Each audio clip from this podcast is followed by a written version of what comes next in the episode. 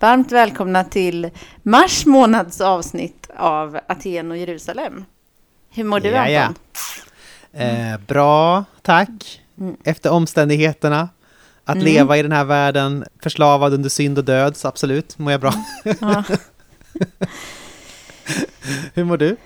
Eh, ja, men jag mår bra. Jag tycker att vi är på väg ut ur en ganska intensiv period där ja, jag har varit väldigt trött för att barnen har bråkat väldigt mycket. Och det är sånt där som Mm. man påverkas väldigt mycket i sitt mående själv av hur eh, barnen interagerar med varann. Det är nog svårt Mm. att föreställa sig innan man blir förälder tror jag. Men eh, nu tycker jag att det är rätt skapligt. Jag har sällskap här av min minsting. Jemima som nästan är känd i den här podden. Mm. Som sträcker sig fram mot mikrofonen ganska mycket, Ja. eh, ofta. Jag har sett att det har stått skrivet någonstans att, att vara vuxen är att säga just nu är det väldigt mycket, om några veckor kommer det lugna ner sig. Om och om igen säger man det här tills man dör. Det är livslögnen, är det inte så? För det är för att man ska liksom klara av att eh, kunna liksom leva i sin tillvaro. Nej, men jag, är- jag är nog med, just nu så säger jag att det har varit väldigt jobbigt och just nu är det lite bättre. Så att Ja, men ju det är bra. Mm. Ja. Det är på gång. Vad är det som händer den här, det här avsnittet, Annika? Vad händer för någonting? I det här avsnittet så har vi intervjuat Ted Grimsrud, eller Ja, just det, Grimsrud. Grimsrud, ja. ja. Ja, Den, ett namn som har norskt ursprung. Mm. precis. Det kommer ni få reda på igen om Mm. en liten stund. Ja, Och vi pratar om, de, eh, ni pratar om restaurativ rättvisa. Ja eller reparativ rättvisa heter det också på svenska. Så kan Okej. bara, Man säger man inte alls det jag sa, eller? jag tror att man kan säga det, fast Okej. man... eh, Jag tror att det är vanligt att man säger reparativ rättvisa på svenska. Okej, jag kände liksom igen det här restaurativ Ja. sen jag typ, när vi läste om rättvisa på Liljeholmen för mer än tio år sedan. Mm. Det finns flera begrepp. Det funkar med båda, Mm. tror jag. Restorative justice på engelska heter det. Mm. Eh, precis, det känns ju kul. Ja, Det är ju eh, en, en filosofi kring rättvisa som ni kommer att få reda på lite mer om. Eh, Det kan tas uttryck i vad man kan säga liksom eh, möten mellan olika eh, parter, alltså kanske eh, någon som har blivit utsatt för ett brott eller en representant för den personen möter kanske förövaren. Rättvisan och gottgörelsen på något sätt kommer fram eller liksom arbetas fram i sådana samtal, typ kan man säga. just det. Ted Grimsrud är pensionerad professor i fredsteologi vid Eastern Mennonite University. Mm. Precis. Det känns som ett väldigt Aten och Jerusalemigt tema tycker jag. Eller att, att prata med en mennonit om fred. Precis, Mm. det känns väldigt eh, classic också. Om någon skulle vilja ge mig en present någon gång så skulle jag verkligen kunna tänka mig en t-shirt från Eastern Mennonite University där det bara står liksom Eastern Mennonite University. Det skulle vara en bra present till Mm. mig. Jag trodde du skulle önska dig att skicka dig dit i något halvår på något stipendium eller något sånt där. Eh, Ja. Få läsa där. Mm. ja, kanske det. Men mer tröjan. Mer tröjan. Det där måste jag ha att göra lite med familj också, så att det är inte så här självklart att eh, sticka utomlands eh, och plugga. Nej, Men eh, de får följa jag med. tror att Sofia skulle kunna, kanske kunna svälja det ett halvår, absolut. Ja, det skulle nog kunna gå. Mer om restaurativ rättvisa kommer ju om en liten stund. Har du, har du tänkt på någonting annat? Ja, jag funderar på om jag ska göra ett litet tillägg till förra månadens mönster. Vill du Mm. det? Vad är det om bibelsyn? Ja, men det var ju det här eh, jag pratade om. Greger Andersson och Stefan Gustafsson. Ja, Och, precis, precis. Ja. Och eh, Mm. att jag klankade ner på fundamentism och sånt där. mm, Inte fundamentalism, utan fundamentism. mm, Och jag, jag tänkte att jag kanske skulle ge ett eh, exempel på eh, en kille som jobbar lite icke-fundamentistiskt. ja, spännande. Eh, han heter Augustinus och eh, levde på 300-400-talet i romarriket. Eh, biskop av Hippo. Har varit en stor inspiration för den västerländska kyrkan. Och eh, mm. killar som Luther gillar honom mycket och så. Jag, jag håller på att läsa hans eh, kommentar som heter The Literal Meaning of Genesis på, på engelska. Heter någonting annat på latin. Och eh, där försöker han lägga ut vad han tänker är liksom vad som faktiskt hände i, i första Mosebok, i skapelseberättelsen. Mm. Han vill inte ge en mm. allegorisk tolkning, utan okej okay, grabbar och tjejer, så här ligger det till. Det här var vad som mm. hände, om vi läser texten. Och då har han lite olika mm. principer när han tolkar den här texten. Alltså han tänker såklart att Bibeln är Guds ord. Och sen så tänker han om liksom en enkel läsning av Bibeln motsäger liksom naturvetenskapliga fakta, då kan inte det vara Bibelns mening. Alltså då är inte det Bibelns budskap. Mm. Liksom. Utan då, mm. då menar Gud någonting annat som vi måste liksom söka vidare i texten då. Och eh, mm. det är viktigt att liksom avgöra om man ska avgöra meningen sammanhang, hur ord används och hur ord används i liksom Bibeln som helhet och sådär. Mm. Och sen så har han ju tredje moment då, som är att eh, om läsningen liksom går ihop med sund tro kan man säga. Det är också viktigt för honom. Mm. Så han har en tredje liksom kriterie och det är att eh, går den här läsningen ihop med så som kyrkan tror, typ. Han arbetar inte liksom från en grund på det sättet, utan han har en väv där han liksom väver ihop olika delar för att liksom läsa Bibeln på ett sätt. Han har olika tampar som han arbetar med när han liksom väver ihop det här. Vad kan eh, Första Moseboks budskap vara? Vad kan skapelseberättelsens budskap vara? Och det här leder till väldigt många spännande mm. saker.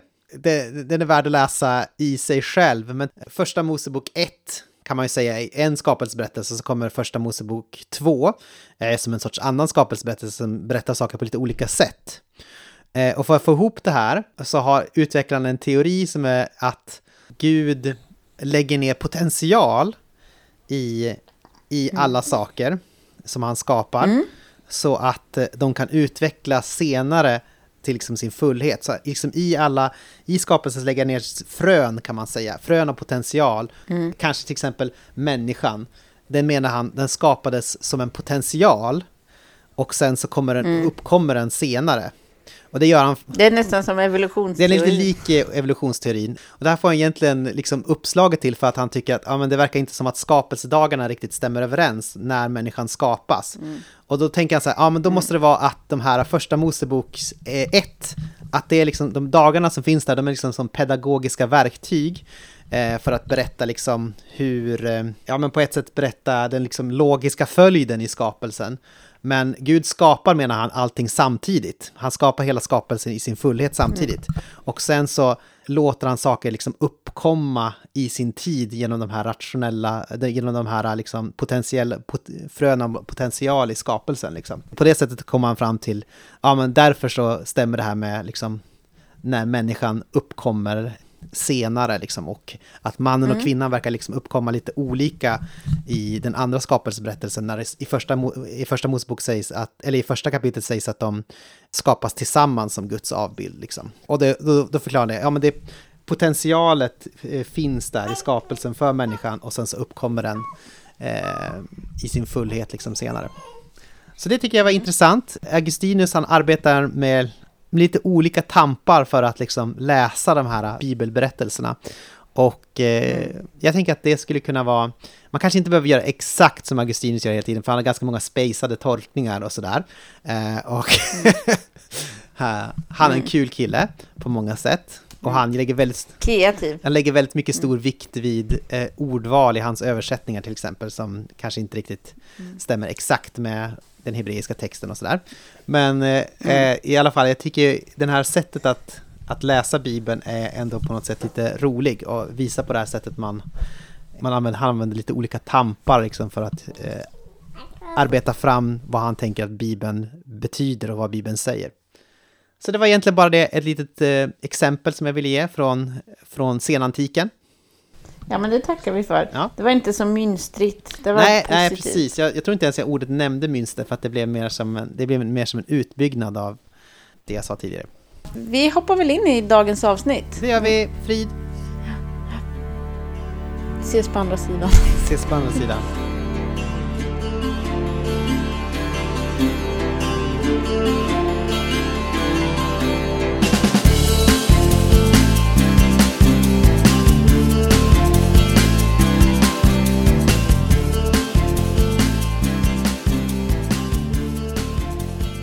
Hello, Ted Grimsrud. Did I get the pronunciation right? Yes, you did. I, I would uh, imagine you would be likely to be able to pronounce my last name just based on reading it. Uh, a lot of people around here in uh, in the United States are not.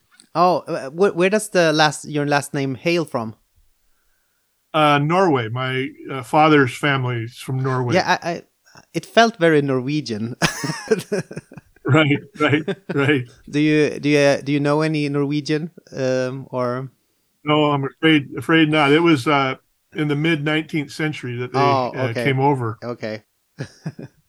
they settled in Minnesota, and there would still be people my age in Minnesota who would probably be able to speak a little Norwegian. But my father moved away from Minnesota, mm. so I, I, actually grew up in Oregon, and there weren't any Norwegians around there. In Minnesota, they still eat uh, lutfisk, I think. Uh, like that's right. My father loved it. Okay. And my mother hated it. I think she made it for him once and said never again. it doesn't taste a lot. It, it, it's really bland, but uh, it's the it's the things that you take it with, I guess, which which um, that's right. The good good thing. Mm. So, apart from that, your Norwegian uh, heritage, how would you introduce yourself to the listeners? Well, I uh, let's see. I, I I'm a recently retired uh, professor of uh, theology and peace studies at Eastern Mennonite University in uh, Harrisonburg, Virginia. I taught there for 20 years and continue to live in Harrisonburg and continue to write and engage in in uh, what I would call peace theology. And by peace theology, I basically mean the uh, an approach to, to theology that places at the center the message of Jesus, the message of, of the, call to peacemaking, and uh, trying to look at at uh, kind of all theological themes in light of that, which is not that common, I don't think, in broader Christianity. Feels like a very Mennonite thing. That's right, yeah. and uh, yeah, and so I, I I am by I guess, uh, conviction, mm-hmm. a Mennonite. Mm-hmm. I, I, did not grow up uh, in the Mennonite church, uh, but as a, a, young adult, I actually it was uh, back uh, during the uh, Vietnam War era in the United States, mm-hmm. and I faced the possibility of being drafted. The draft ended just when I turned old enough to be drafted, but I was struggling with those issues a lot, and I was a, a Christian at the time, of a fairly evangelical. Mm uh, Baptist kind of uh, orientation, mm. and was very interested in uh, what what message of Jesus meant in that context, and made a decision that I I, I, couldn't go to war. And around that same time, or shortly after that, I discovered the Mennonites, a, which I, I suppose a lot of uh, your listeners might not know much about Mennonites, mm. but it's a tradition uh, going back to the Reformation, been called the Anabaptist uh, tradition that from the 16th century down to the present has seen as very important the uh, commitment to peace and and the commitment to to pacifism, to non-participation in warfare, and that I mean it's uh, always been a struggle, and not all Mennonites agree, uh, but it, I found my wife Kathleen and I found the Mennonite community to be a, a hospitable place for our pursuing our interests in as as Christians and mm-hmm. and the peace message. And basically, since then, in the last forty years, I have uh, been a uh, I was a, a pastor uh, in in Mennonite churches for about ten years or so, and then taught at this Mennonite college, and and so the Mennonite context has been the place where I have uh, have worked. I'm not basing this on a lot of data, but it seems like that it's quite common when things are put to to a head when you're facing a draft or uh, something similar. The, the, the the chances of getting deployed, so to speak. Uh, a lot of people yeah. tend to really think about these issues, and and not a few uh, yeah. turn pacifists. Right. Yeah. That's right, and and uh, the context in in in, in the U.S. in, in the 1970s was the the war with Vietnam was very unpopular by that time, and uh, and it was a legal option if you uh, got drafted uh, if you could demonstrate uh, that you were a pacifist. Mm.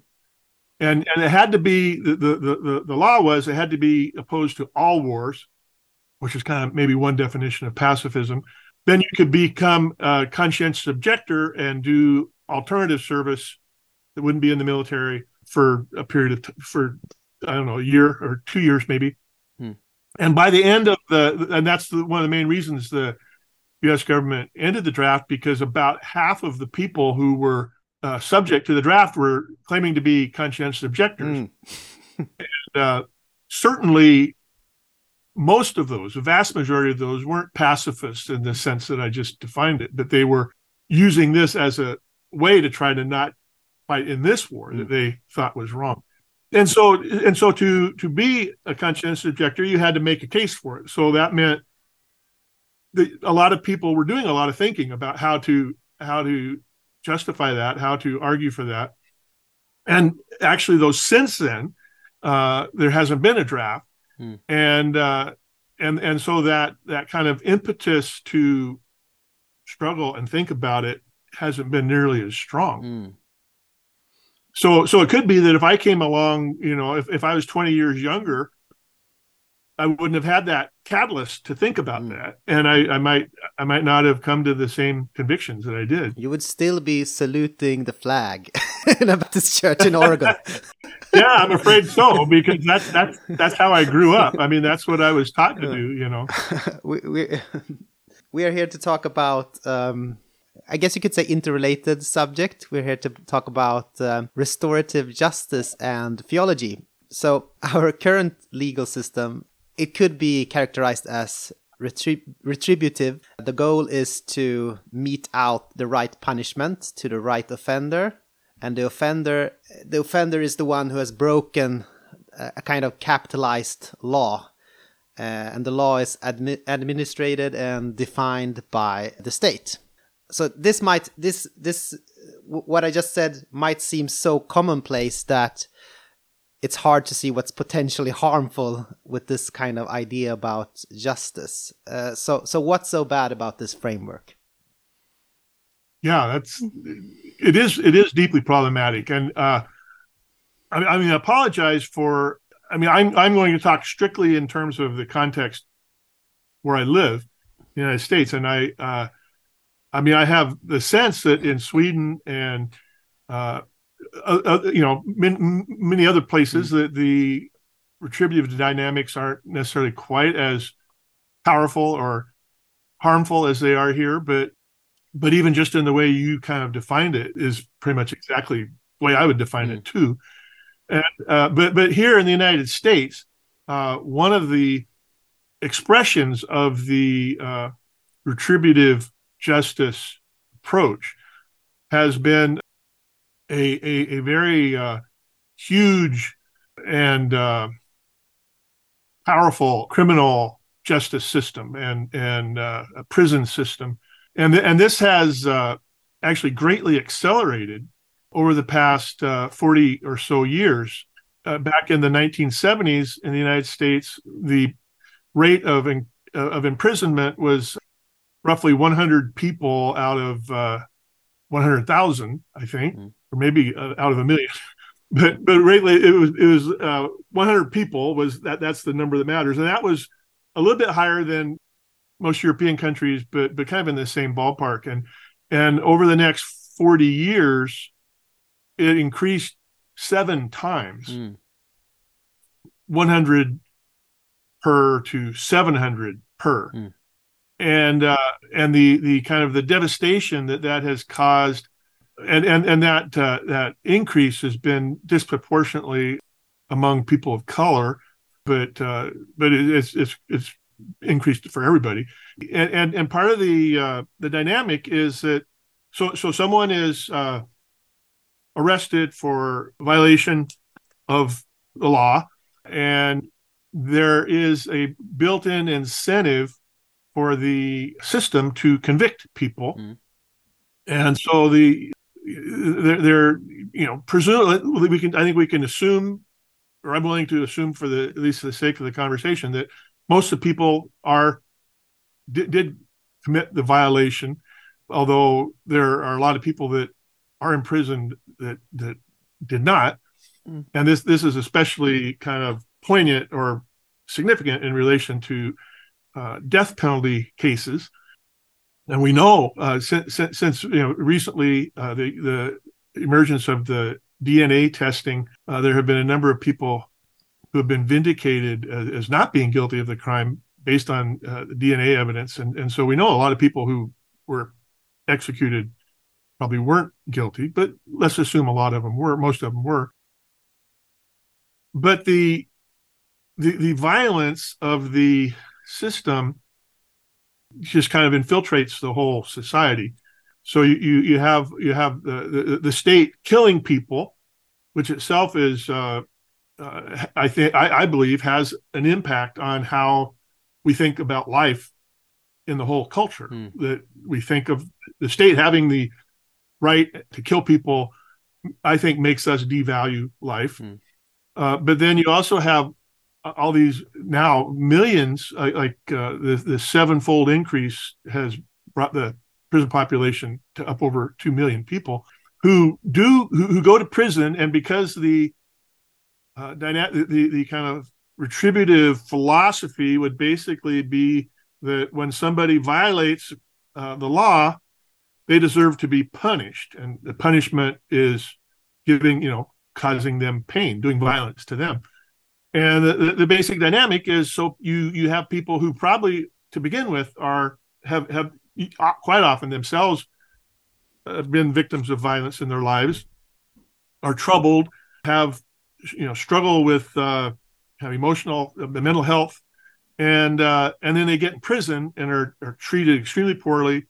Uh, one of the huge uh, aspects of, of imprisonment for a lot of people is uh, a form of torture, really, uh, solitary confinement, where uh, they they are isolated from other people for days and months and even years at a time, uh, which itself is very uh, devastating in terms of mental health. And uh, I mean, it, it's very interesting historically the uh, kind of invention of solitary confinement as a tactic within prisons.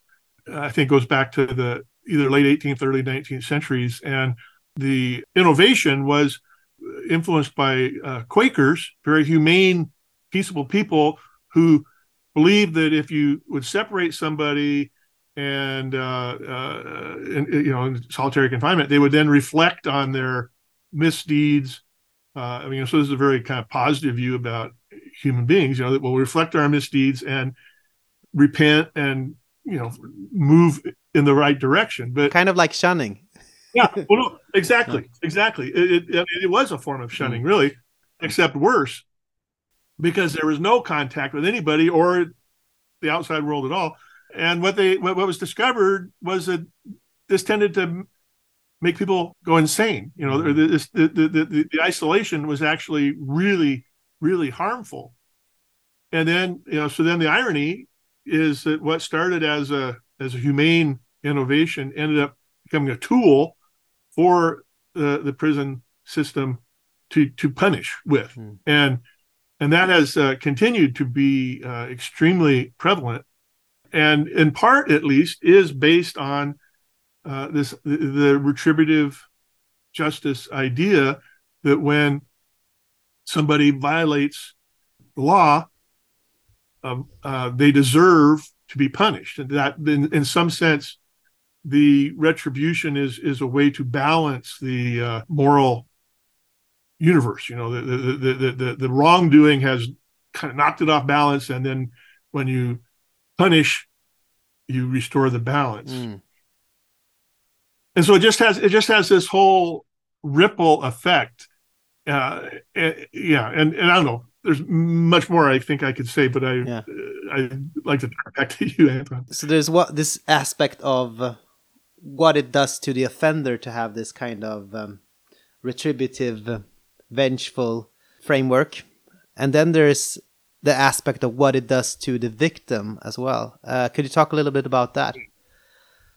Right, right. That's that's actually uh, more important for for the uh, philosophy of restorative justice, at least as I understand it, than the consequence than than the impact on the offenders, uh, and that and and and the problem in our system is that law breaking is considered to be uh, an offense against the state, mm.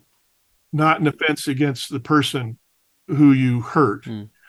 And so, uh, and so, what happens is a, a person will break the law, get arrested, and be in prison. You know, go to prison, and then there will be, you know, the process of of charging them with a crime and and then having a trial. Although we have fewer trials now because this way the system works, it's more efficient if people would just plead guilty mm. and then then then accept their their punishment. Typically, if you go to trial, you run the risk of of being punished much harsh much more harshly.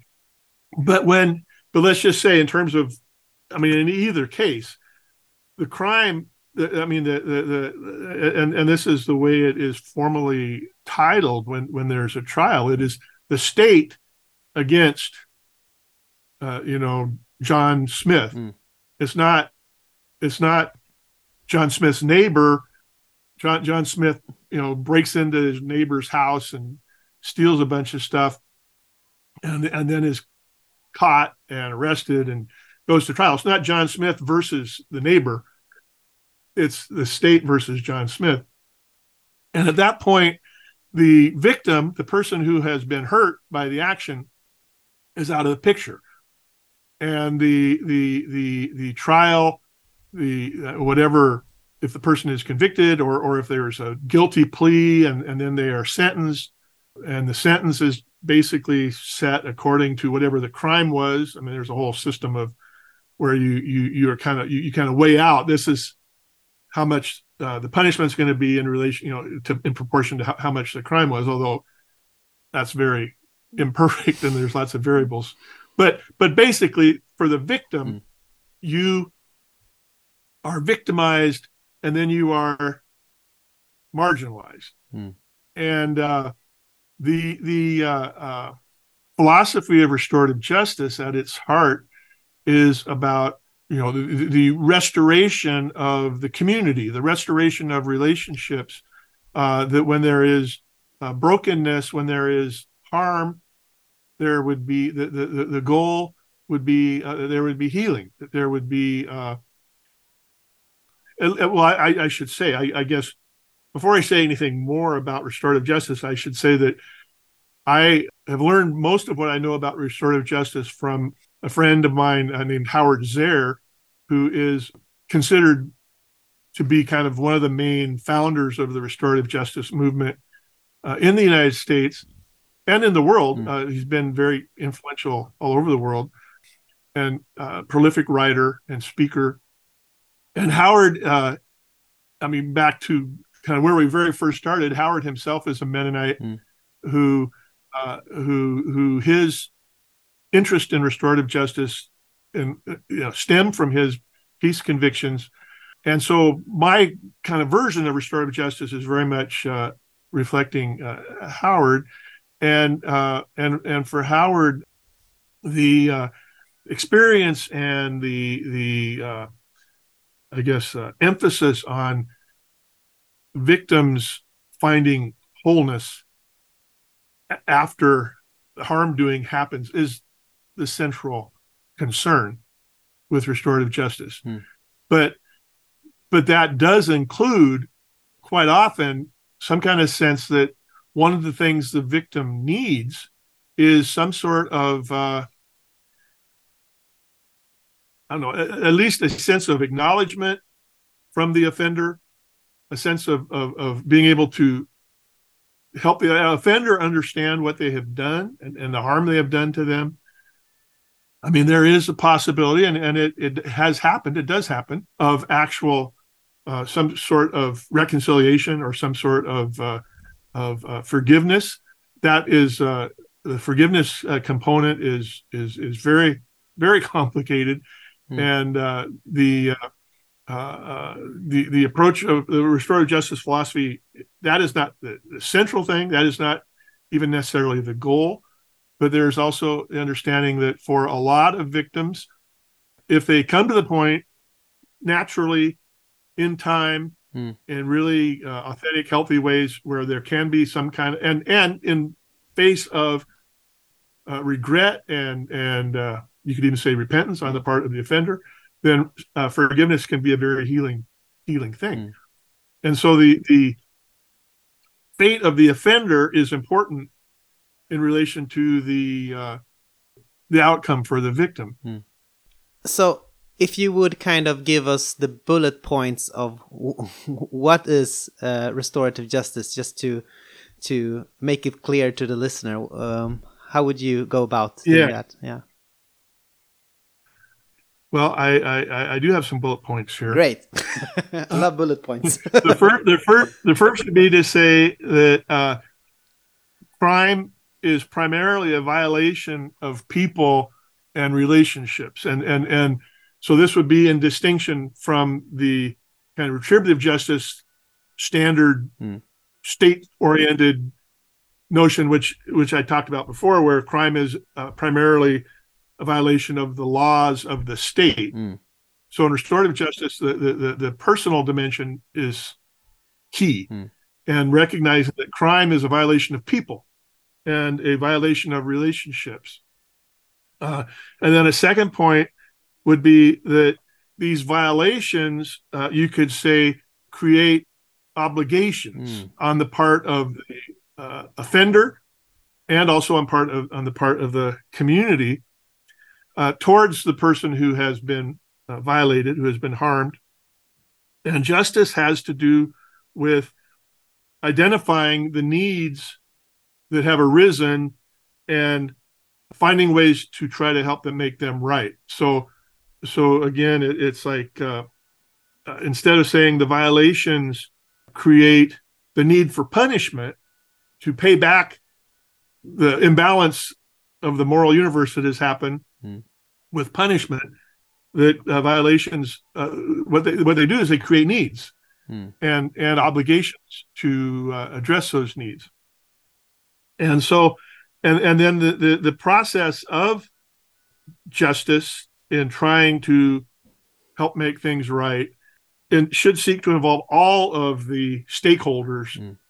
in the situation. So, so again, it, it like I, I, was saying before that the way retributive justice operates is the victim is separated, mm. is is marginalized, mm. is not you know who might be who is according to uh, the idea that uh, crime is primarily a violation of people and relationships. The victim is the central stakeholder, and and and and so the victim would be marginalized in the retributive justice approach, and the uh, offender is uh, seen basically in terms of what the offender deserves hmm. to receive as punishment, not what is going to help the offender also be healed. Hmm. And the broader community is is also, I mean, it, you know, there's a, a formal sense in which uh, you, you would say, okay, the state is representing the broader community, but that's a very kind of very abstract mm. uh, sense of, of community. And uh, and for restorative justice, the community as a stakeholder would be the the relationships that the victim and the offender are part of, and the kind of the neighborhood, the the, the town, you know, the, the the local expression of the community. And then, and I guess I would, I mean that that's kind of what I understand to be kind of restorative justice in a nutshell. Mm-hmm. But to add, I mean, kind of the thing that I have been more interested in. I mean, I'm very interested in that, but is the kind of the overarching kind of theological context for thinking about that. Mm. And uh, and the basic uh, one of the basic points would be that uh, in a uh, retributive justice orientation, th- there there tends to be a sense of of God as kind of this autonomous being who is judgmental and wholly other, and who is punishes when when we do wrong, and and that sort of thing. And I think uh, in in restore for restorative justice orientation, uh, the idea would be much more that uh, God is very uh, relational, mm. and that uh, that, uh, that that when we sin, when we when we harm someone, we can call it sin. When we sin, we are sinning against the relationship that we have with God and with other people, and that uh, and that the, the dynamic in response to that is seeking to restore those relationships, mm. to find ways to restore those relationships, which certainly could involve things that are difficult or uh, even experienced as painful for people who harm others in terms of what it takes to restore the relationships but the the idea would be whatever kind of uh, difficulty is kind of imposed on the the offender it's for the purpose of the restoration mm. of the offender too uh, as well i mean along with the, the victim Whereas in a ret- more retributive and punitive notion, is the punishment is kind of an end in itself. Well, uh, this seems like a fine and dandy theory, but could it possibly work in our impersonal and vast modern world where people are alienated and there are hardly any communities left? What would you answer to an objection like that, or what do you think about an objection? Well, like I, objection like that. Yeah. I, I think it's uh, uh, uh, understandable, mm. legitimate, mm. and uh, uh, it's a, it's it's a question that would reflect, I think, uh, a somewhat active, accurate picture of our reality. I think you know one kind of answer would just be to say, yeah, but what we've been doing has only made that worse, mm. and and it's like what human beings need to be healthy is a way to uh, have relationships and have relationships restored, even in the face of, of wrongdoing. That uh, going back to kind of where we started uh, on this, the retributive one of the main problems with retributive justice is that it it just multiplies the, the violence and the alienation and the brokenness. And so, yeah, we're we're we're in a we're in a society where there is all this alienation and brokenness and kind of autonomy and that sort of thing but it's it's it's uh bad mm. it's unhealthy we need an alternative mm. and so and so the the the fact that uh it's not obvious how this is going to work doesn't mean it's not more it doesn't mean it's not uh desperate that we figure out how to make it work mm. I mean, that's one kind of answer. Mm. And that would be kind of maybe my starting point. But then the second point would be that, uh, in fact, and again, I'll, I'll just be talking uh, right now about the United States, uh, but I know that's that, okay. Uh, that good, thank you. Uh, I, I, know that uh, restorative justice work has been tried and practiced in lots of places. I, I, I know one, place where it's been especially uh, impactful, uh, much more than the United States, is is in New Zealand. But but but in the United States, in the last forty years, the, the this this restorative justice uh, movement, which didn't just start then, because it, it is picking up on practices that have been used by uh, indigenous people and and in many ways lots of other people too just not necessarily that self-consciously in terms of a, a philosophy about dealing with uh, harm doing and and and crime uh, that has actually shown itself to be effective mm.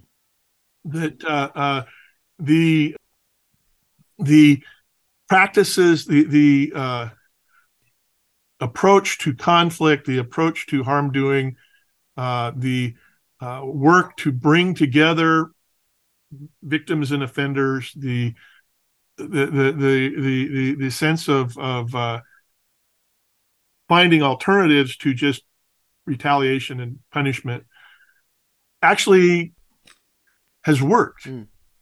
And and that that is why uh, I mean I don't know any of the data I'm afraid, but it's spread a lot. The the the, use of restorative justice in uh, the the U.S. Uh, uh, criminal justice system, in schools, in neighborhoods, uh, has in, you know in, in, in the last couple of decades uh, has uh, expanded a, a, great deal, and it's it's it gets exploited at times. It it it gets misused. Uh, it's, it's it's it's it's not it's it's it's a very loose. I mean, there's not like a certif- a board certification for restorative justice mm. that requires a certain amount of training or whatever, so kind of anybody can do it.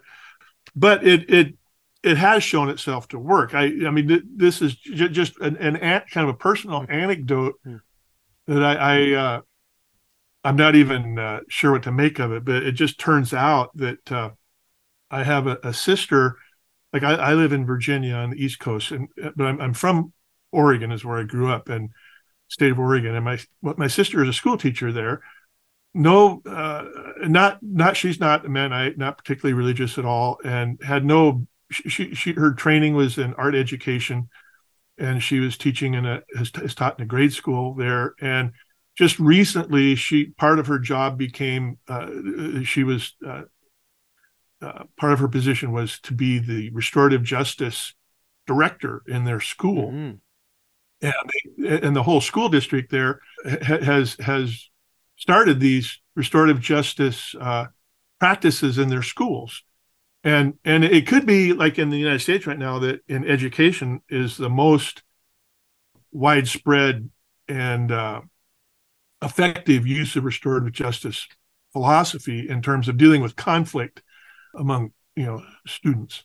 Well at the same time totally independent our son, who lives in New York City, is, has been a high school math teacher for the last number of years, and and he moved into a new position in a different school, and part of his job now is he's the restorative justice coordinator in his mm-hmm. school, and it's just it's just these are just I mean I mean they certainly my sister and my son know each other, but mm. I mean he he he actually does have a little bit of background. He uh, studied at our school, Eastern Mennonite, and actually took a class from Howard Zehr hmm. restorative justice, but he hasn't done anything with restorative justice in 20 years. But he was interested, as my sister was, and and to me, the, the significant thing is just to show how widespread hmm. this is becoming. Now, I also think that, uh, well, I, I guess two things. One would be that it does seem, I would admit that there are certain you know kind of crimes or violations harm doing that are so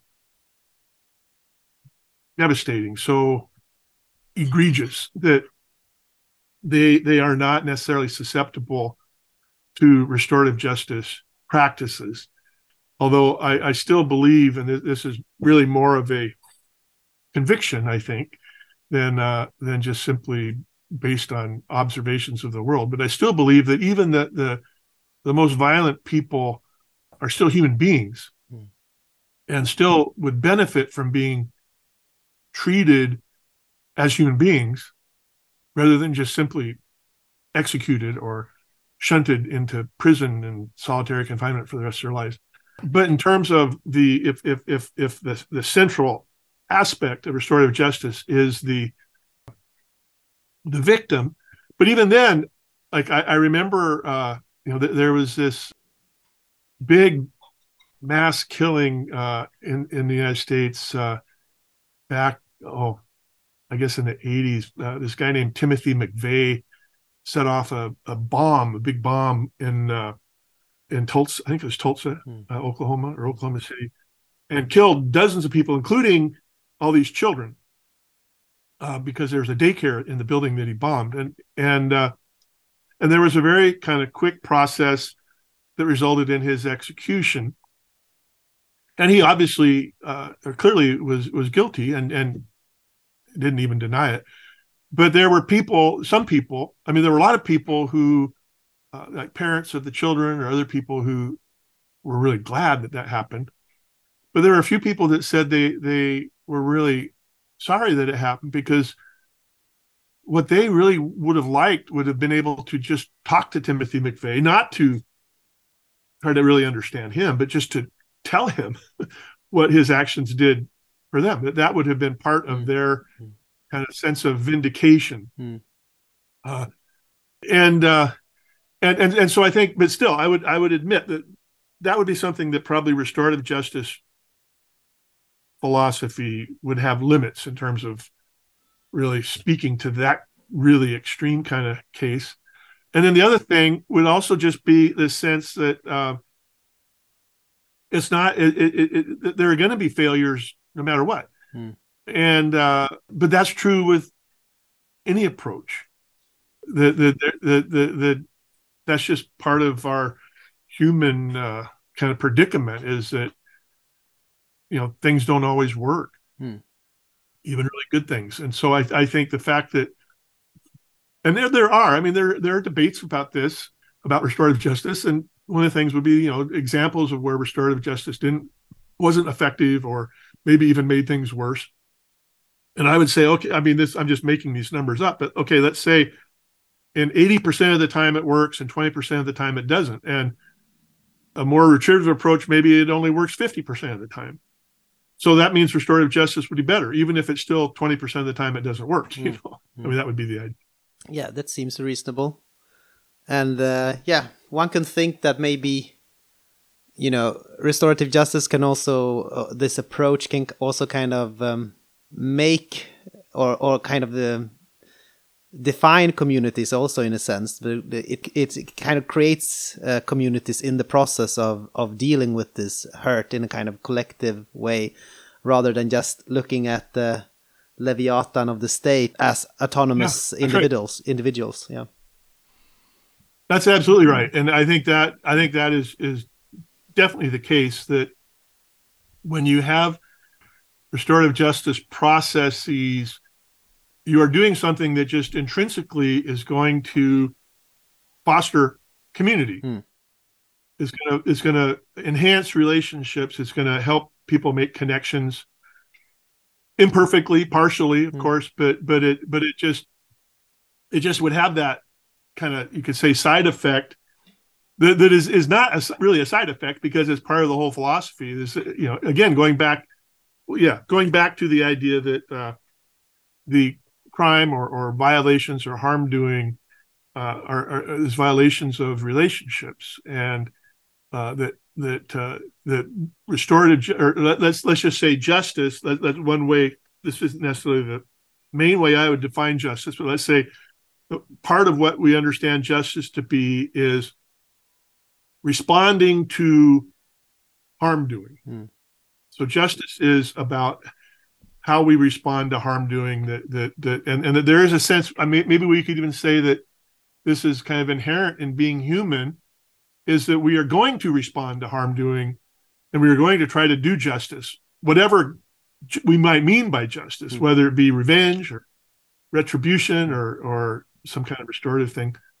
But if we say that the harm doing is fun, fundamentally about violating relationships, then then we would say so. Therefore, what justice should try to do is to restore relationships, mm-hmm.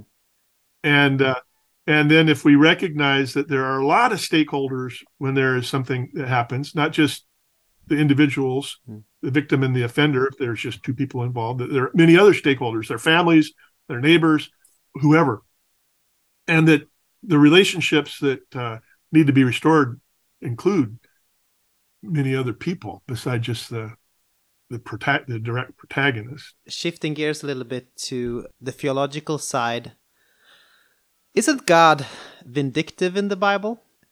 Is God more concerned with law breaking rather than focused on relationships? Isn't that is that a the picture that we get in the Bible, or what kind of justice uh, meets us uh, in the pages of the Bible? Do you think? I think I think that's a big question. uh, and I think I think I, I guess the way I would approach that is to say that there are certain. I mean, but but I would say this about anything in relation to the Bible mm.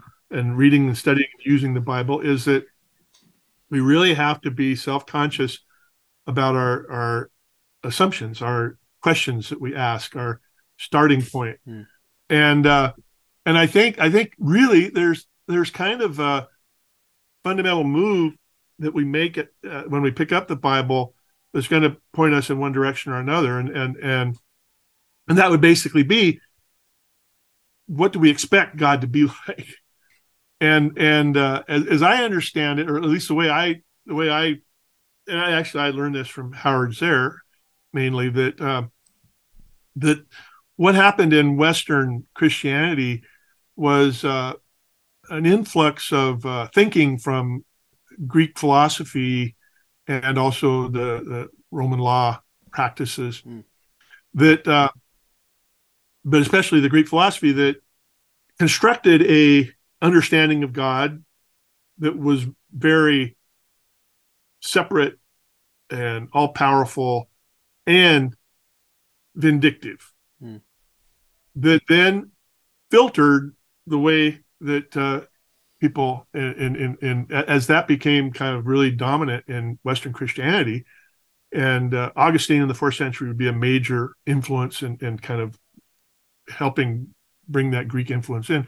It filtered, it, it shaped the way that people read the Bible. Hmm. I think, you know, my work, a, a big, you know, a, a chunk of my work, and and again, I was inspired by Howard because his kind of classic like he, he was not a theologian, but his kind of classic book, which I would really recommend, uh, Changing Lenses, came out in 1990 uh, about restore, it's kind of introduction of restorative justice, and, and he's revised it four times since then, most recently in 2015. It has a big chunk of of biblical, uh, you know, has a big chapter on the Bible, hmm. and where where he is presenting an understanding of justice in the Bible that doesn't start with the assumption of God as being, you know, vengeful, vindictive, and that sort of thing. And I think for me, I mean, the approach I take is is what I uh, uh, a, a, book I wrote. is called God's Healing Strategy. This is just a short little book that uh, not about restorative justice directly, but is saying that if we approach the Bible as kind of a somewhat coherent big story. That has a plot, a beginning, a middle, and end, and kind of trace that plot.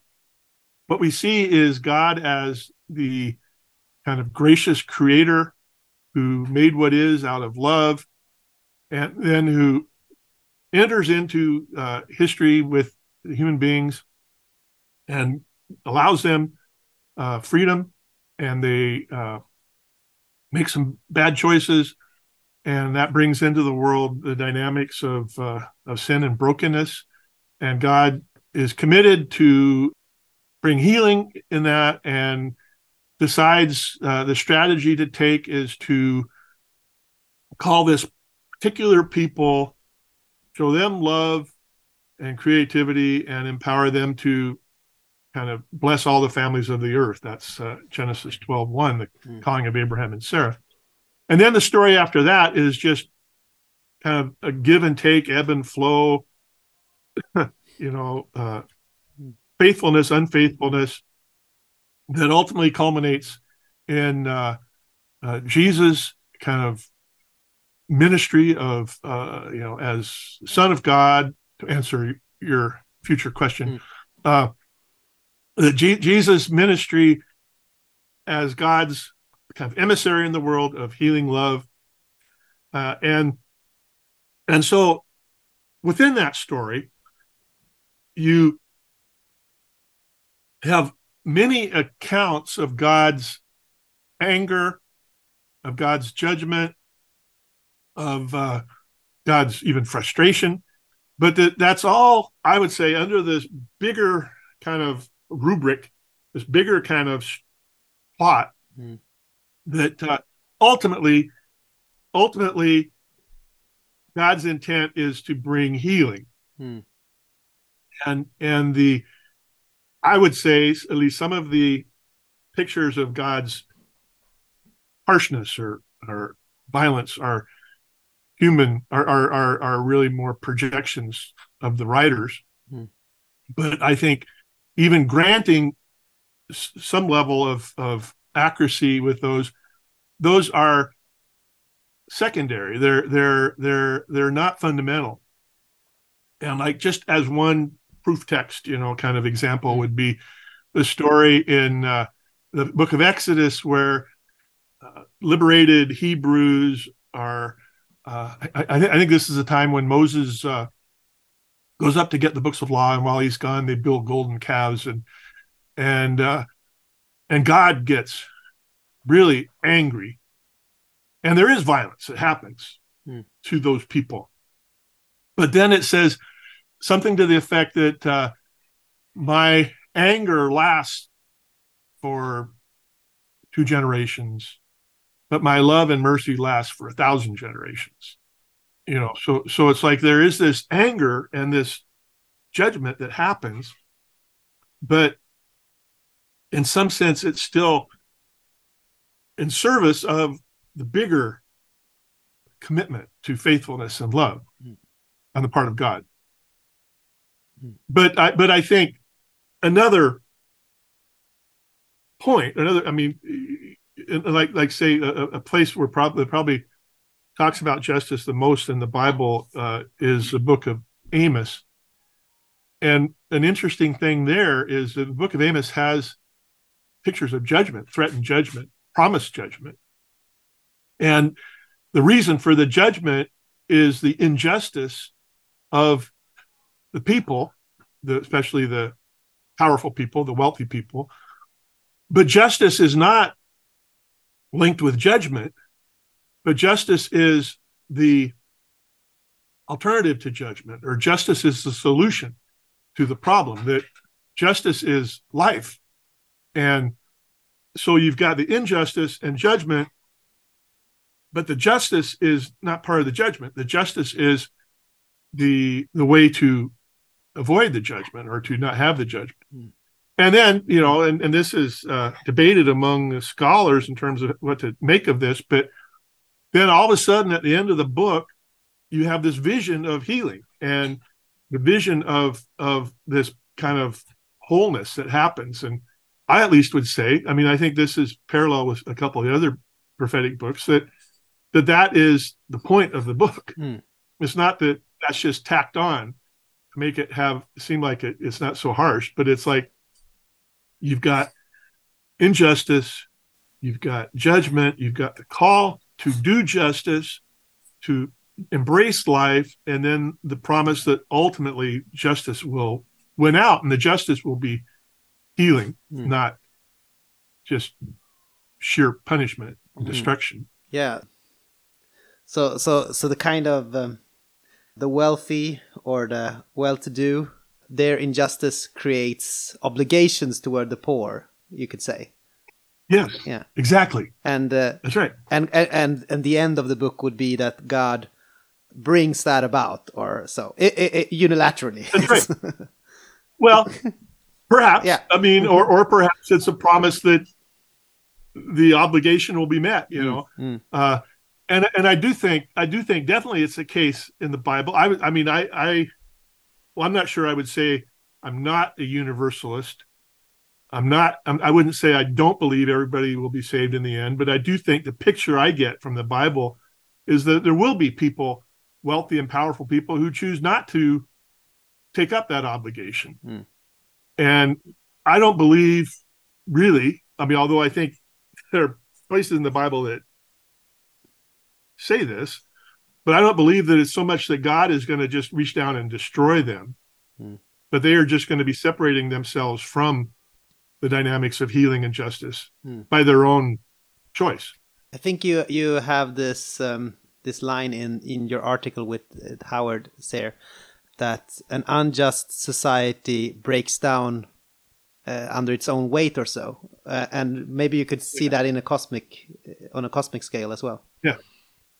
That's right, and I think uh, I I am uh, kind of a student of the Book of Revelation, mm. and uh, just recently published a book on it. And my interpretation of Revelation now is that that is kind of the uh, what the, the, the notion of wrath, mm. the wrath mm. in Revelation, which is not actually directly attributed to God, although I guess there is there is a statement of the wrath of the Lamb, mm. which I think supports what I'm saying is that wrath is more kind of the impersonal dynamics of the cosmos in which God, or you know, however you want to say that, respects the choices that people make, and that the uh, there are negative consequences to choosing death instead of life. Mm. Now, the problem, and, and this was another reason why I'm really attracted to the idea of thinking of wrath as more kind of an impersonal dynamic. You know, is that in these processes, there's a lot of, uh, you know, what you could call collateral damage. There are a lot of innocent people mm. that get hurt. There's a lot of damage to animals and the physical creation mm. and stuff. And, and and I have a really hard time imagining that that's what God does. You know, but that but that God that God well, I don't know. There, it gets really complicated uh, when we talk about God in relation to this stuff. But I guess I think that uh, if there is a sense in which these cosmic dynamics are allowed to play out, and that the consequences of that include the the you know judgment or even punishment of those who have uh, rejected life uh, that that is in some sense god oversees that mm. but i don't think that's the same thing as saying that god does it in a direct way so kind of um, the idea of providence perhaps you could uh, drag yeah, in here exactly yeah.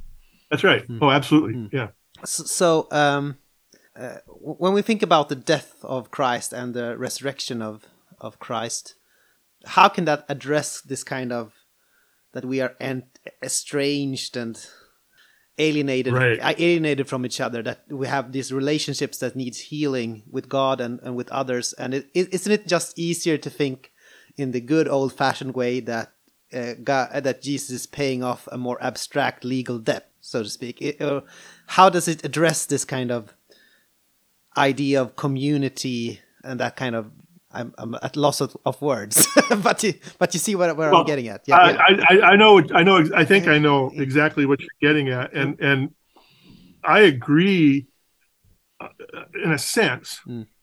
that it would be simpler to just accept the kind of traditional view that uh, you know, as you said, you know that that Jesus' death was about paying this debt to allow us to know God and stuff.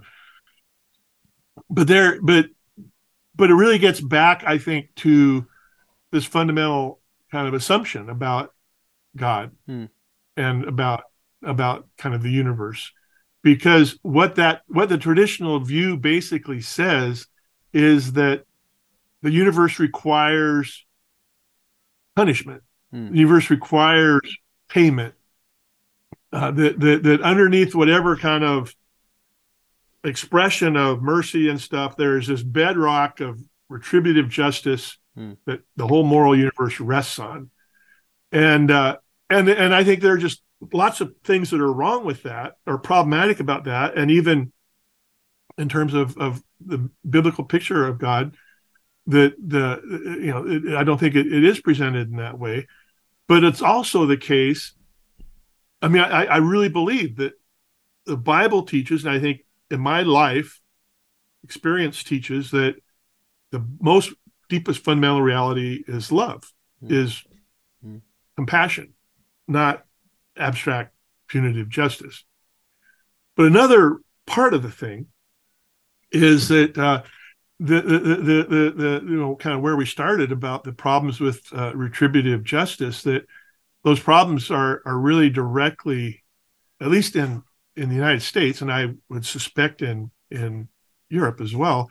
Uh, the, the problems are directly the consequence of this uh, understanding about uh, salvation and about God and, and punishment and that sort of thing. That that the uh, there, there's one writer, uh, a guy named uh, Timothy Gorringe, uh, his book is called God's Just Vengeance, and and he argues at least he's a British uh, theological historian of theology, I think. His argument there is that that theology, that retributive theology, kind of shaped our uh, Western culture, our Western approaches to harm doing, to criminal justice and that sort of thing. And and definitely, I, don't know that he I can't remember that he really talks about this, but I would say as a person who really is concerned about war, uh, that it, it, has shaped our our whole kind of militaristic uh, kind of mindset. That the way that what that you respond that that the universe itself teaches us that God that, and certainly our theology teaches us that God punishes wrongdoing, mm. and that that's what you do. And so that's how that, that's. Uh, I years ago I, I I wrote a paper on child rearing and, and child discipline and uh, talked about this in relation to that. You know, uh, corporal punishment and mm. spanking and you know, hurting kid, hitting kids, mm. doing violence towards kids. That you know in the I don't. I don't. Uh, hopefully, you don't have this in Sweden, although you probably do. Uh, yeah, I guess, but it's illegal. So uh, we banned it. we banned it uh, in the seventies, I think. Uh, yeah, right. Yeah. But I bet there are at least Christians, conservative Christians, that teach that this that kind of discipline is mm. what God wants. Mm. At least that's what's that that that's the case here. You know, there's a mm. whole industry of uh, uh, kind of child discipline based on this punitive theology and actually based directly on this understanding of the cross and of, of atonement and that sort of thing. But I think it's it's more apparent in in terms of the the uh, criminal justice practices. I mean, it's more direct, more obvious. Mm. And so and so I would say so so you know back to the question that it may be simpler, but but probably the reason it's simpler is just that this is what we have been taught. This is this is just part of our assumption about things as you know in, in Christianity. And I think I think especially in uh, evangelical fundamentalist Christianity, mm-hmm. but it's it's very present in Catholicism, and I also think it's it's present in you know kind of more liberal kind of Christianity too. And and I think it's just yeah, it's it's it's very problematic. Mm-hmm. And I think I think that, and I'm not really aware. I've done some writing on this, but I'm not really aware of much else that's been done, really making the connection between restorative justice and, let's say, atonement theology or uh, salvation theology. I, I, I saw very briefly. I looked on on your website and saw that you had interviewed Denny Weaver. Yeah, that's right. A number yeah. of years ago. Yeah uh, who's a, a, good friend of mine, and and I think uh, Denny's work on atonement is is very important, and and then his book Nonviolent God. I I mean I don't agree with everything, but I think I think he's really done important things in helping us see how these assumptions aren't inductive conclusions from reading the Bible. Mm. And they are, uh, I mean, these assumptions about the need for some kind of violent, violent sacrifice, mm. and that God is violent.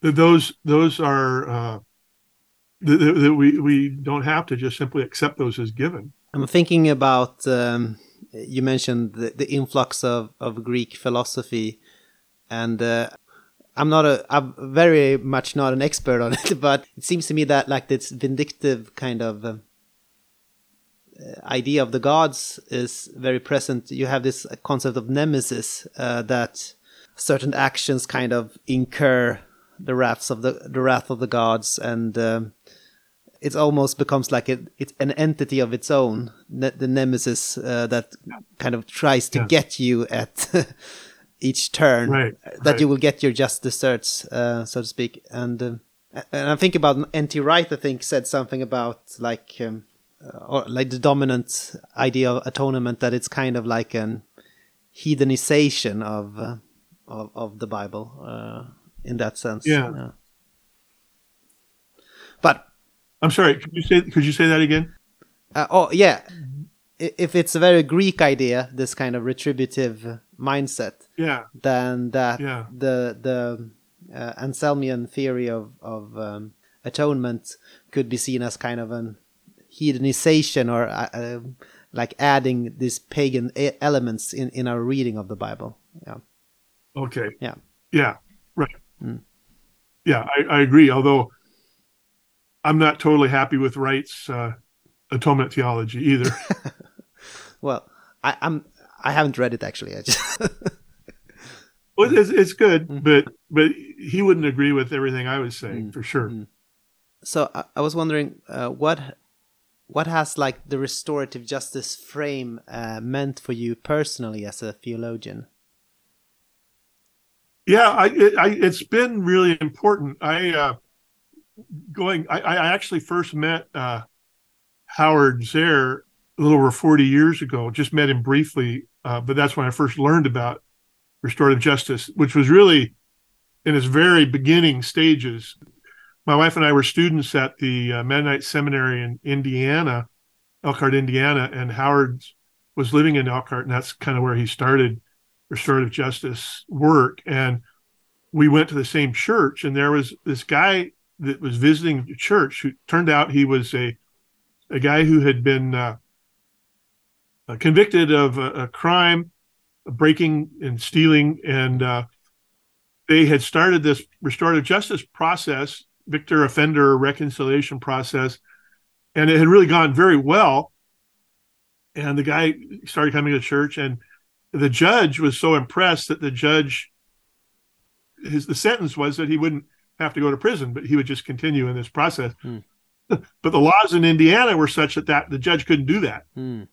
And so the guy was sent to prison. The judge basically was was pushed out of being judge. So this this was kind Oh, of a wow. big big event and got a lot of attention. And and Howard was kind of at the center of that.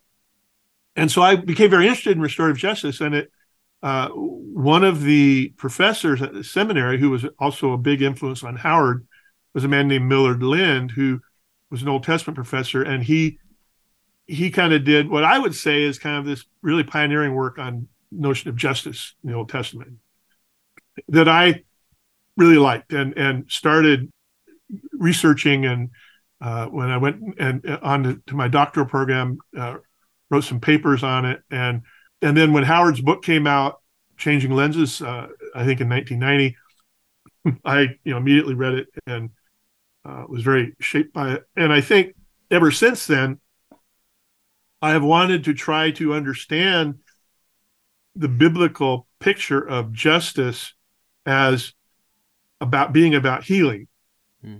and uh, restoration of relationships and not about punishment and uh, retribution and that basically has has uh,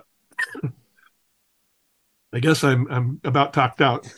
that that basically has has affected everything else I've done, and I uh, i- i- you know in terms of the writing I've done and and thinking I've done, uh, I'm uh, I mean my my uh, back my, my training my my doctoral degree is in ethics, and my teaching position here at Eastern Mennonite University is in theology, but I have always wanted to be, let's say, a theological ethic ethicist who is very centrally concerned about the Bible and, and utilizes the Bible, which is a little bit different than a lot of ethicists and a lot of theologians. Mm.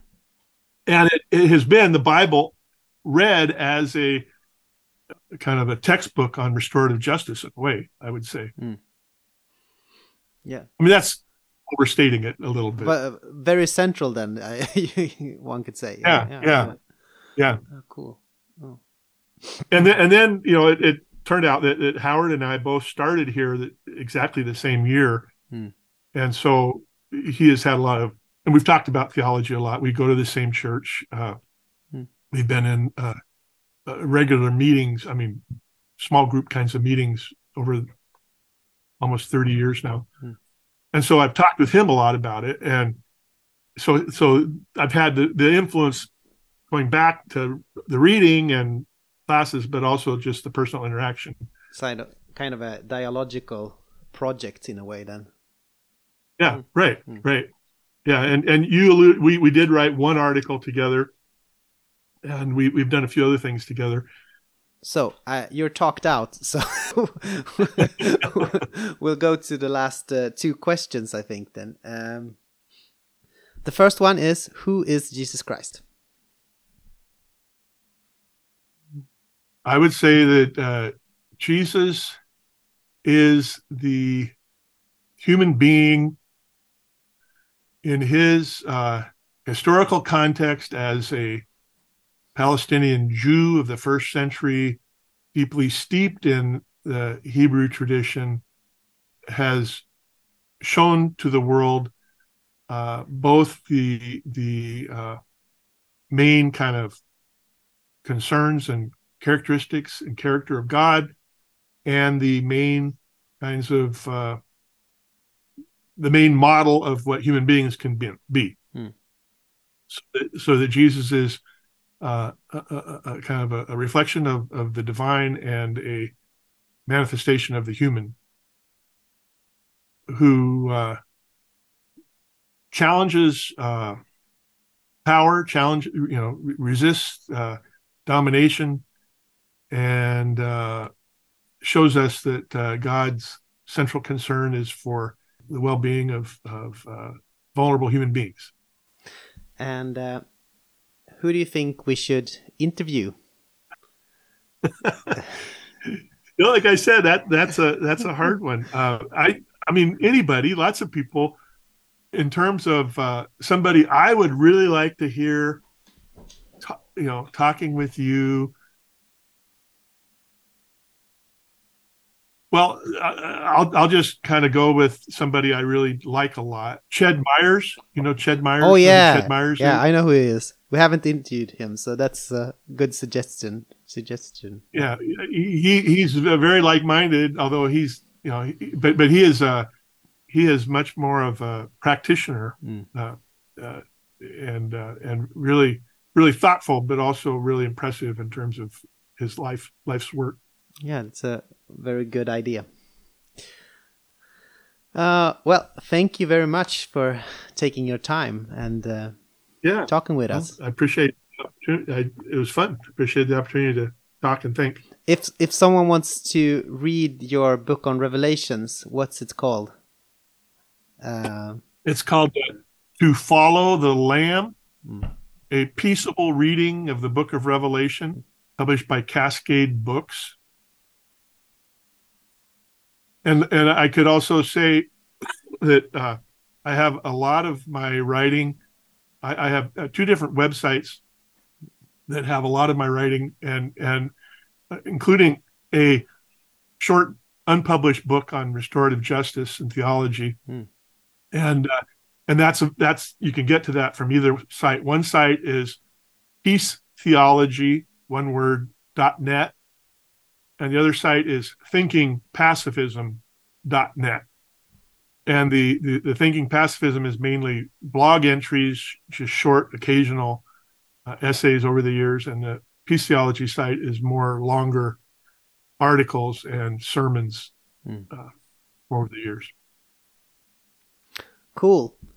Uh, yeah, it's there are some very good resources there. I would say so. Check it out. Yeah, you bet yeah. well, thank you, uh, thank you, Ted, and uh, maybe we'll see each other in the future. Maybe we can talk about Revelations. Uh, uh, that'd be awesome Yeah. love that Yeah. and uh, thanks for the conversation anton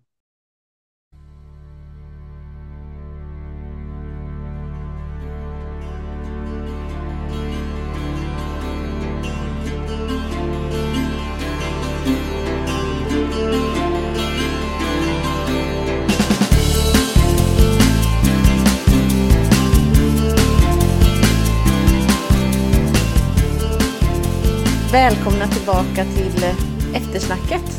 Ja, och ni lyssnar fortfarande, det vet ni, på Aten och Jerusalem, eh, Sveriges bästa okrediterade teologiska intervjupodcast. Mm. Kul att ni är med oss. Ja, men eh, spännande. Hoppas ni har tyckt intervjun har varit eh, intressant. Det tyckte jag i alla fall. Ja, jag tycker Ehm. också att det var roligt och sådär. Ted Grimsrud kom in lite sent den här månaden i i förberedelserna, men det blev liksom väldigt, eh, väldigt bra tycker jag. Ja, eh, jag vet inte om vi ska nämna det, men vi hade ju Howard Sear som namn Ja. som han hänvisar mycket till. Eh, Men eh, eh, han kunde inte vara med oss i intervjun, så då fick vi tipset och Ja. det var jättebra tips. Ja, men tycker jag. Det var väldigt kul. Vad har du tänkt på?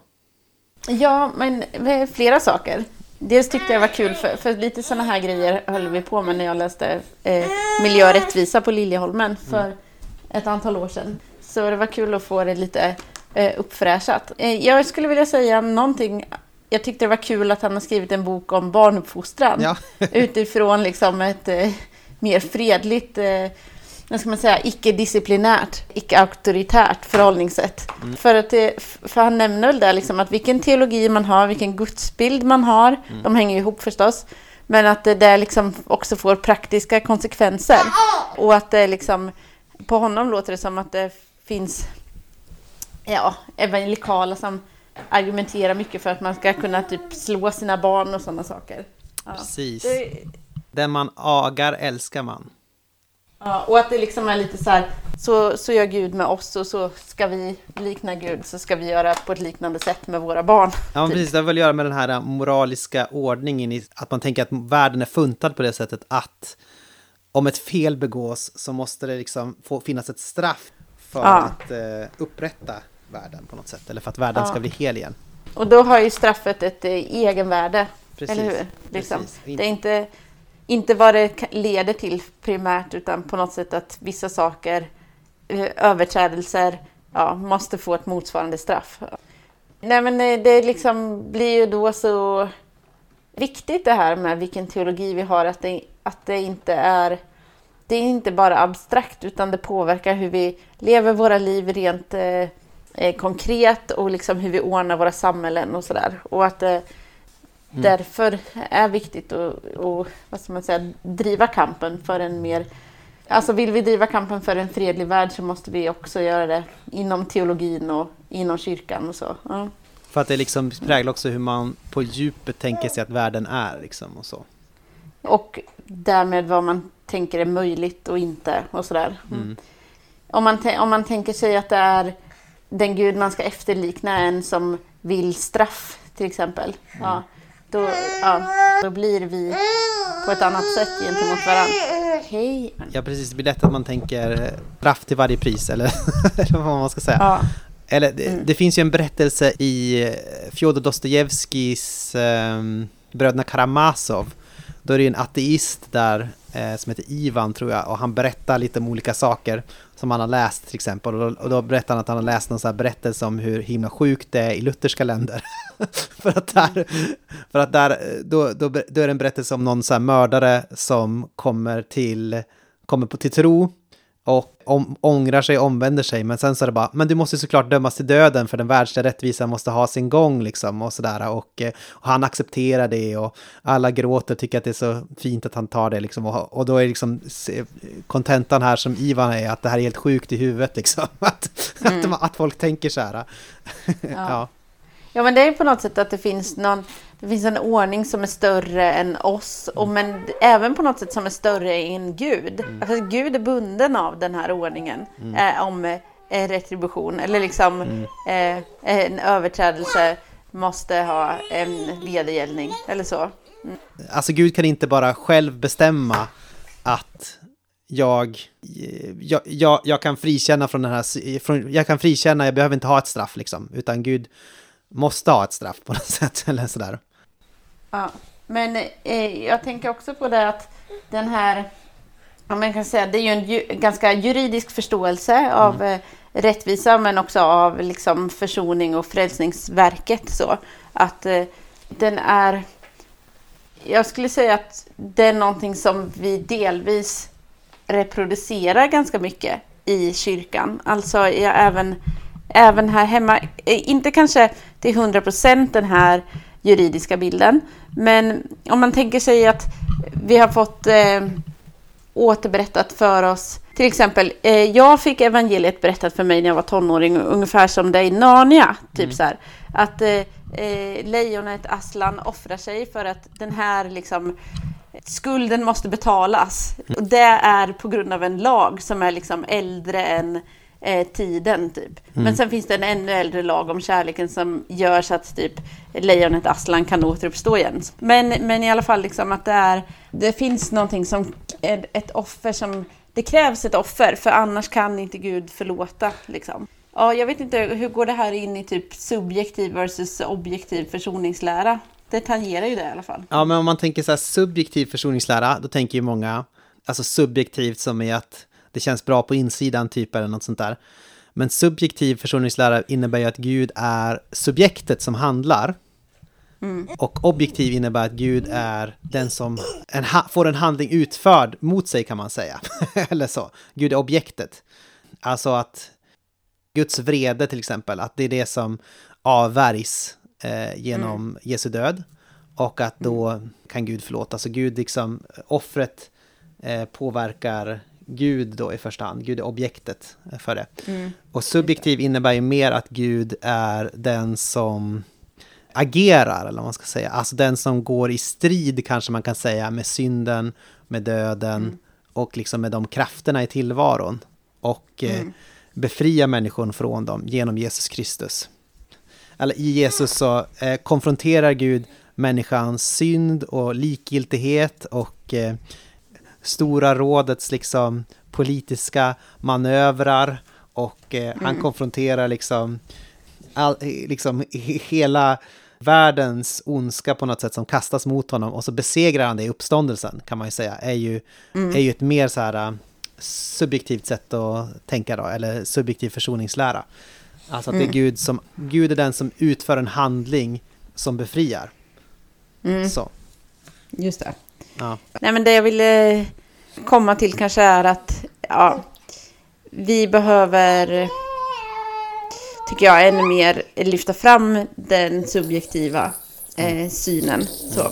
Och jag vet inte, känner du igen dig att man, att man har mött det här mer, vad säger man, juridiska synen eller? Ja, men absolut. Det tänker jag är på något sätt um, utgångspunkten i de församlingar som jag har varit i till stor del.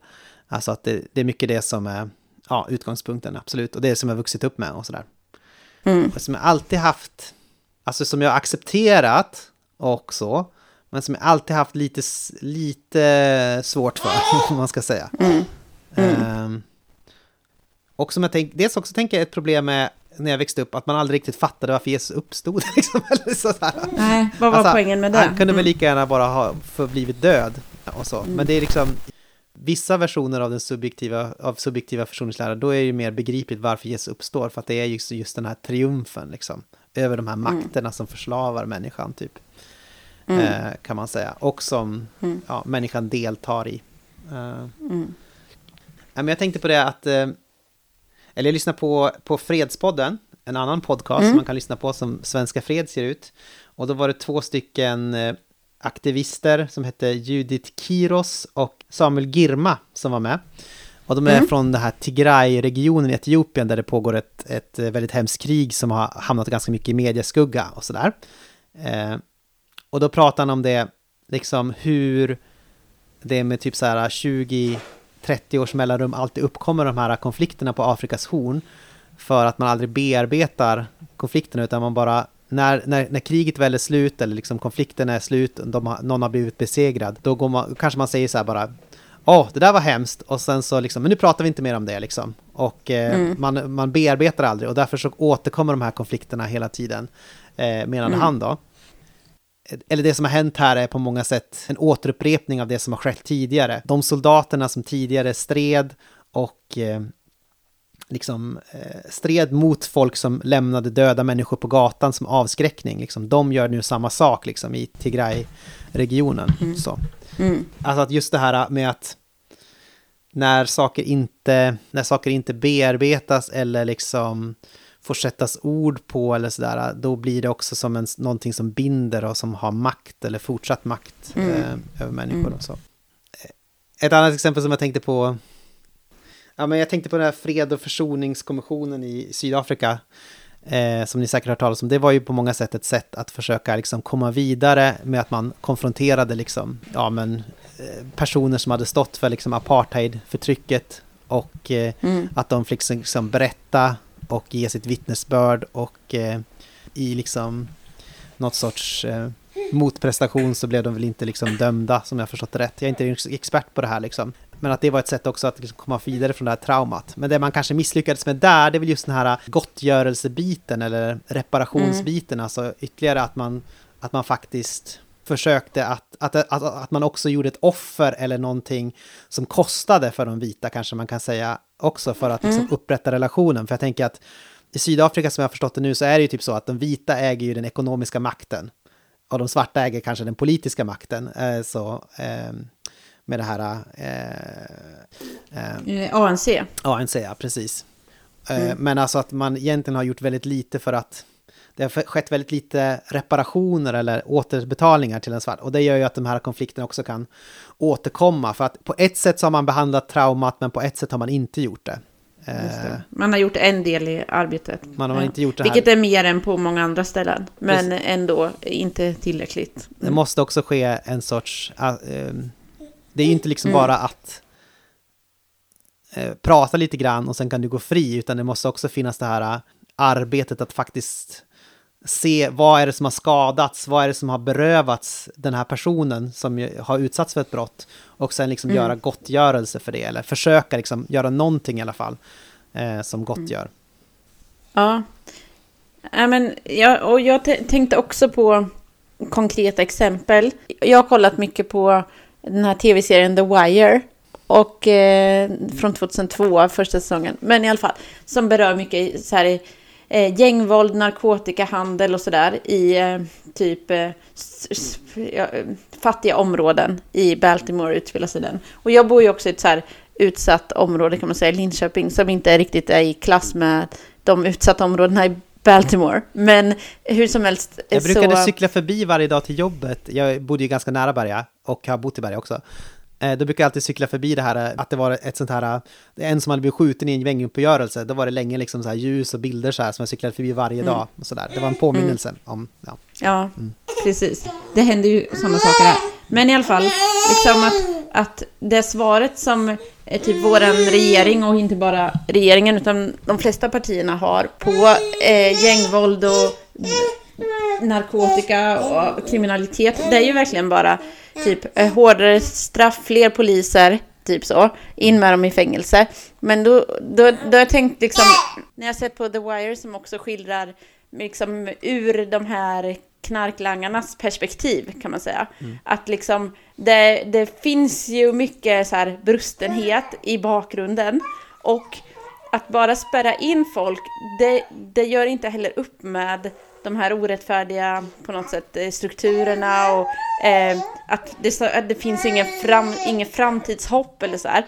Och att vi skulle verkligen behöva, det är inte så populärt i Sverige idag, men vi skulle verkligen behöva mer av det här restaurativ rättvisa perspektivet att liksom eh, se hur, ja men hur kan liksom finns något community, någon gemenskap i Berga som kan liksom vara delaktig i att, att skapa rättvisa eh, livsförhållanden och som kan liksom också, där det har skett saker, reparera det. För, för som, eh, som Grimsrud är inne på så är det också att typ att det är otillfredsställande med att bara typ kasta någon i fängelse eller att avrätta någon. För det på något sätt eh, eh har ju inte gjort saker och ting bättre mm. för den som har blivit utsatt. Ma, eh, vi skulle behöva det en annan typ av rättvisa eh, här. Ja, det var bara det jag tänkte på. Ja, men jag mm. tänker på samma sak. Och om jag ska trappa upp lite här så ska man kunna säga att det, politiken, det politikerna framförallt föreslår nu är en sorts apartheidpolitik där liksom vissa områden ska,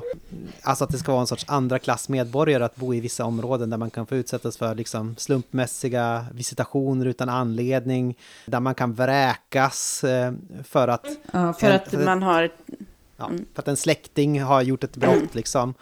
Verkligen en sorts, eh, verkligen ett sorts som bara kommer eh, få mera resentiment och ilska liksom att, att frodas i de här eh, platserna, eh, tänker mm. jag.